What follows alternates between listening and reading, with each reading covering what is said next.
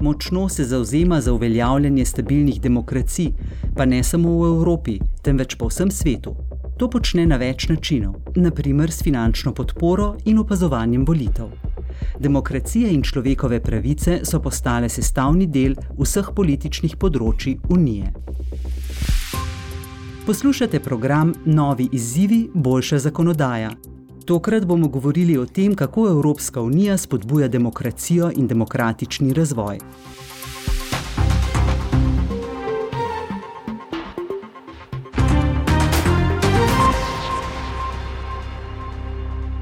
Demokracija je edini sistem upravljanja, v katerem lahko ljudje v celoti uveljavljajo človekove pravice. Je pa tudi nujno potrebna za razvoj in dolgoročno stabilnost. Glavna prednostna naloga Evropskega parlamenta je povečati legitimnost volitev in poglobiti zaupanje javnosti v poštene volitve in varstvo človekovih pravic.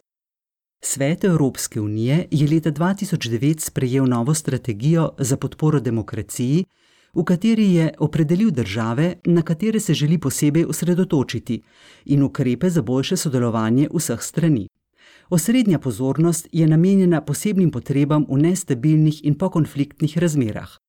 Strategija temelji na dialogu s temi državami, da bi tako krepili skupne vrednote, kot so spoštovanje človekovih pravic, solidarnost in pravičnost.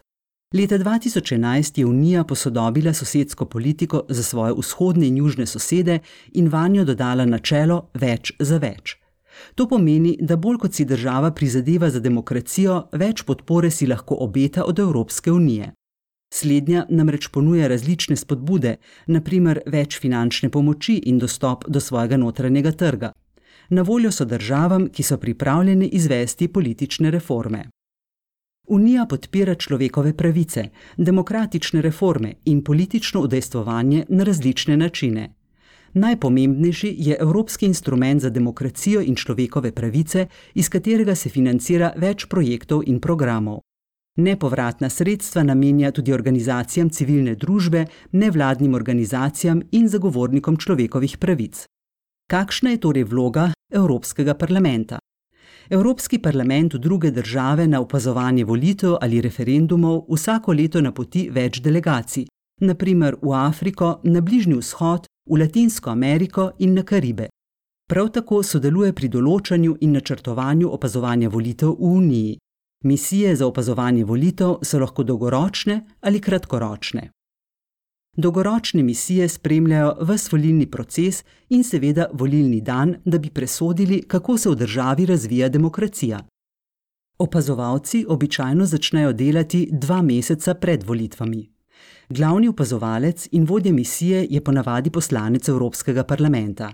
Parlament lahko napoti delegacijo le pod določenimi pogoji. Prvič, volitve morajo biti državne. Drugič, unijo ali parlament morajo povabiti tamkajšnji nacionalni organi. In na zadnje, v državi že mora biti dolgoročna misija. Na kratkoročnih misijah za opazovanje volitev se ocenjuje samo volilni dan in spremlja štetje glasov.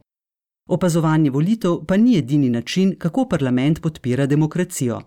Sodeluje tudi pri pobudah na področju človekovih pravic v podporo parlamentarnemu delu.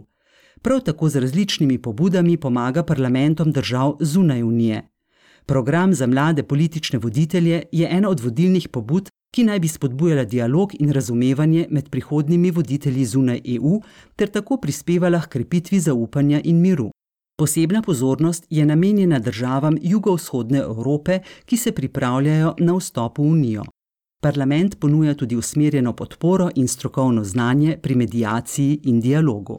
Če povzamemo, pristop Evropske unije k demokraciji je tesno povezan z njenimi prizadevanji na področju človekovih pravic s finančno podporo in misijami za opazovanje volitev želi doseči demokratične reforme in spodbujati spoštovanje človekovih pravic tako v Uniji kot drugot.